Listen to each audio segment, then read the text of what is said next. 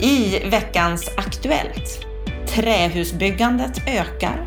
Byggstartsindikatorn visar på ökat byggande, men osäkerheten om det kommer att hålla i sig, den är mycket stor. Bostadsräntorna, de stiger, men ingen större anledning till oro om vi får tro vår expertkommentator som du får träffa alldeles strax. Han kommenterar också riksdagens nya beslut om bygglovsplikt för attefallshus. Möt Stefan Attefall här i veckans Aktuellt alldeles strax. Jag heter Anna Bellman och önskar dig varmt välkommen till Bopolpodden.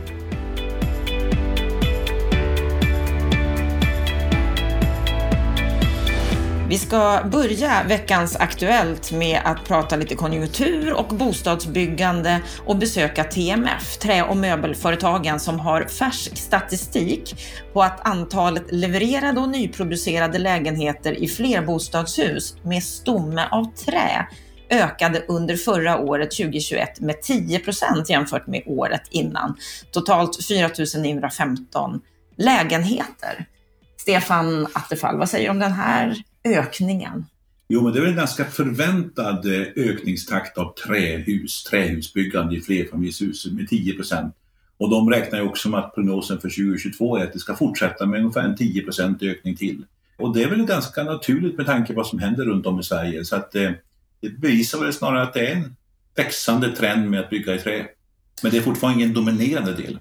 Nej, det är ingen dominerande del. Det är ungefär 10 procent av det som byggs. 51 150 lägenheter i flerbostadshus visar preliminära siffror från SCB byggdes under eh, 2021. En ökning med 16 procent jämfört med året innan.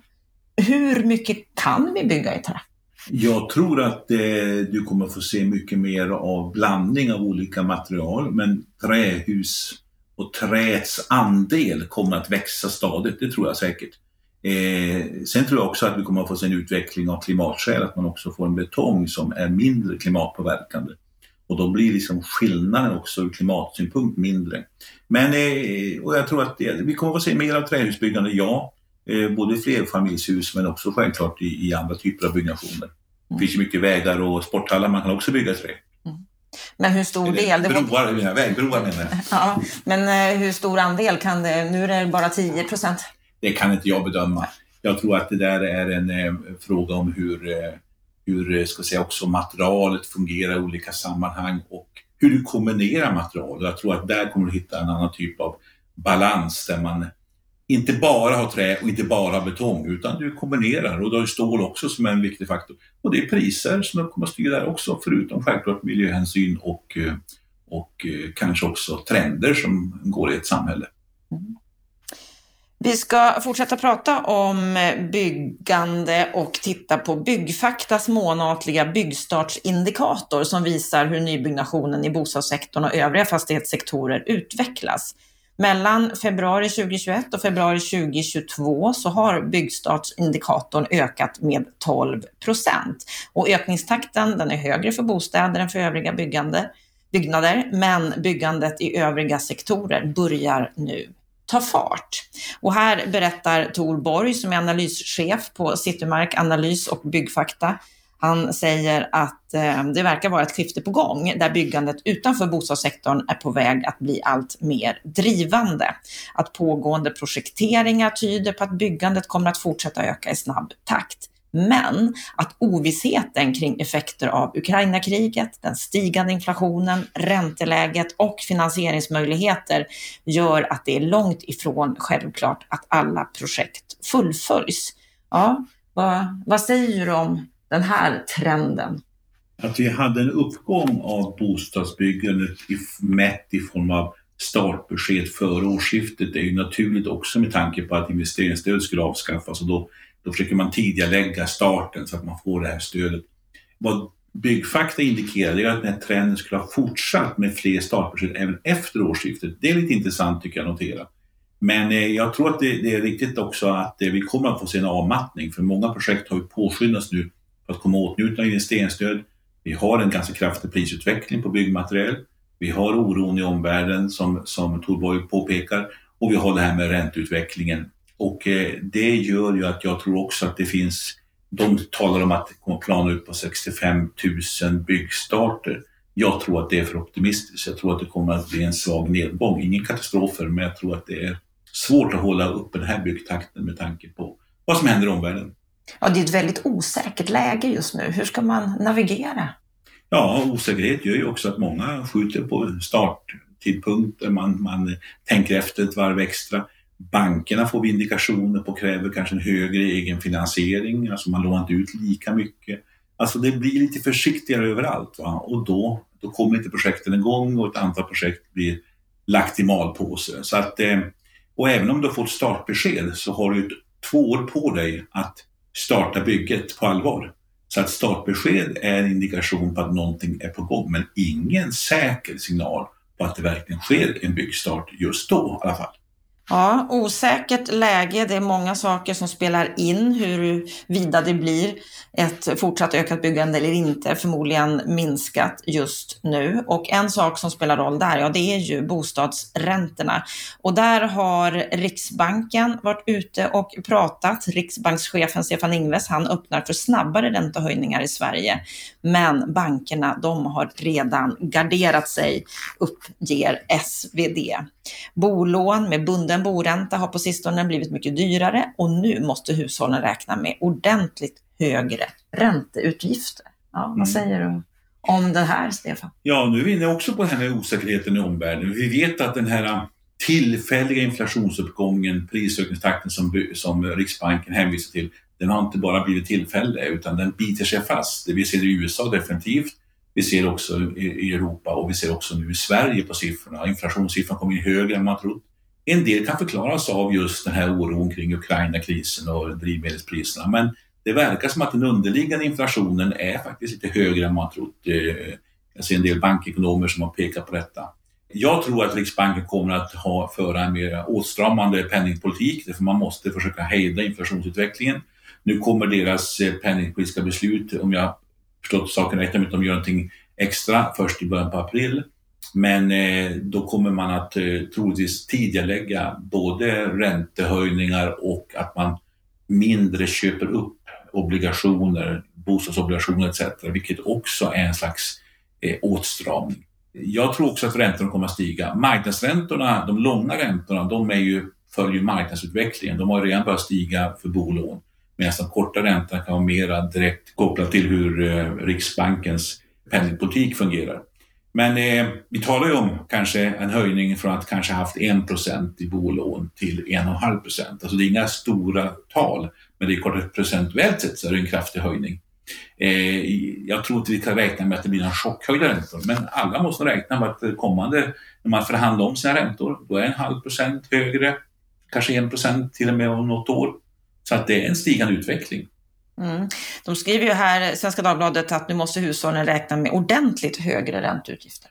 Ja, är du ett hushåll med ganska höga lån och därmed också räntekostnader, då kommer det svida i plånboken. Och har du dessutom inte några bundna lån utan har rörlig ränta, då slår det igenom mycket tydligare också.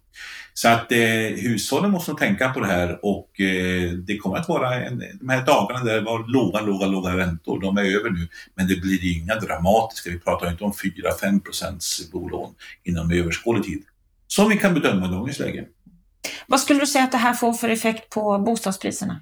Det borde få effekt att prisökningstakten på bostäder sjunker, eller till och med kanske priserna börjar sjunka lite grann.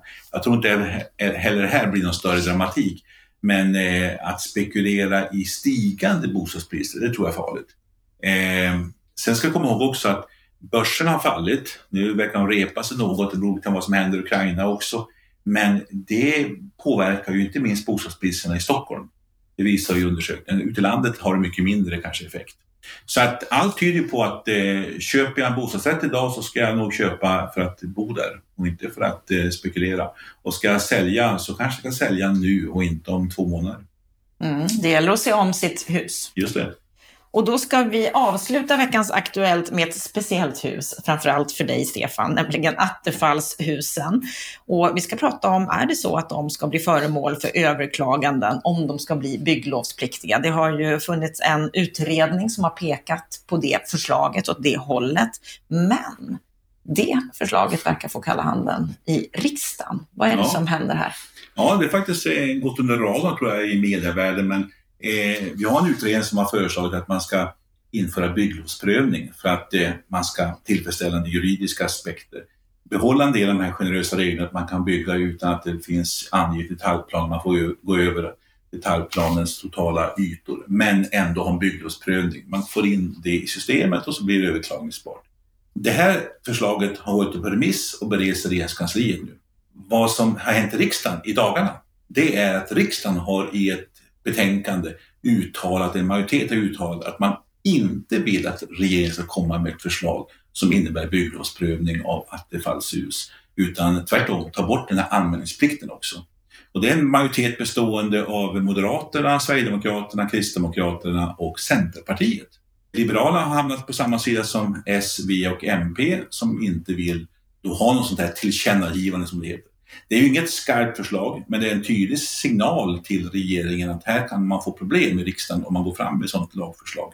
Eh, det kommer inte att hända någonting, tror jag, före valet. Eh, beredningsprocessen kommer att ta sin tid och det är flera andra förslag också i den här eh, propositionen som kommer att bli av den här utredningen. Men eh, valet kommer att bli intressant därför att det kan ju avgöra faktiskt om det blir en majoritet för att införa bygglovsprövning eller att det blir en, en majoritet som till och med kanske lättar upp nuvarande regler. Så att eh, det kanske blir en valfråga detta. Säger du leende. Ja, vi får se om vi äntligen kan få en bostadsfråga som valfråga. Men du, utifrån intentionen när Attefallshusen infördes, vad tror du om utvecklingen? Jag är ju livrädd för att man inför en eh, bygglovsprövning för då kommer man släppa loss massa kommunala tjänstemän som faktiskt försöker väga in en massa olika intressen i detta och som, där det funnits också ganska stor motvilja i många kommuner. Det skiljer sig mycket mellan kommunerna också. Så att jag tror att det kommer att vara en liten, inte dödsstöt, men kommer att försvåra kraftigt för människor som vill bygga sådana här hus. Eh, sen finns det en juridisk eh, krånglighet här, det ska erkännas. Och det är ju att det finns några konventioner som säger att har man myndigheten fattat ett beslut så ska man då kunna överklaga beslutet. Och när man ger ett startbesked efter en sån här anmälan så anses det av jurister som ett då är det en slags myndighetsutövning som borde gå att överklaga och det är därför Mark och miljööverdomstolen har i någon dom för ett tag sedan också släppt fram överklaganden på de här startbeskeden i vissa fall. Så att det, det finns en juridisk eh, knepighet här. Alternativet är att gå tillbaka och säga att det här ska inte bygglovsprövas, inte ens anmälas. Då slipper man den juridiska problematiken.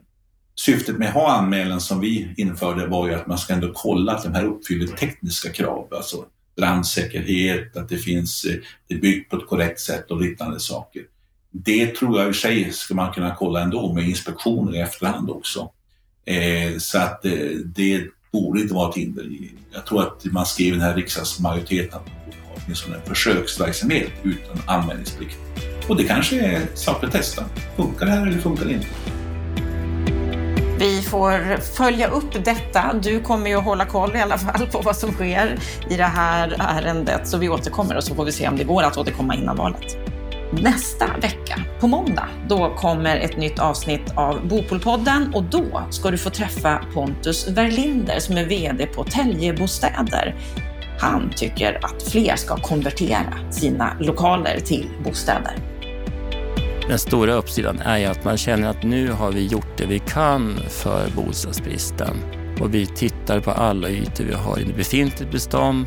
Vi kompletterar med nyproduktion, men vi har alla ett ansvar att få fram fler bostadsytor till de som är i behov av bostäder. Ja, då när man går runt i ett område och ser tomma ytor så ska, man, då ska det lysa varningsflagg direkt. Här skulle vi kunna göra någonting bättre. Man kan göra saker bättre hela tiden. Ja, där hörde du Pontus Verlinder. Ett längre samtal, det hör du i vårt program på måndag. Med detta så önskar vi på Bopolpodden dig en riktigt trevlig helg.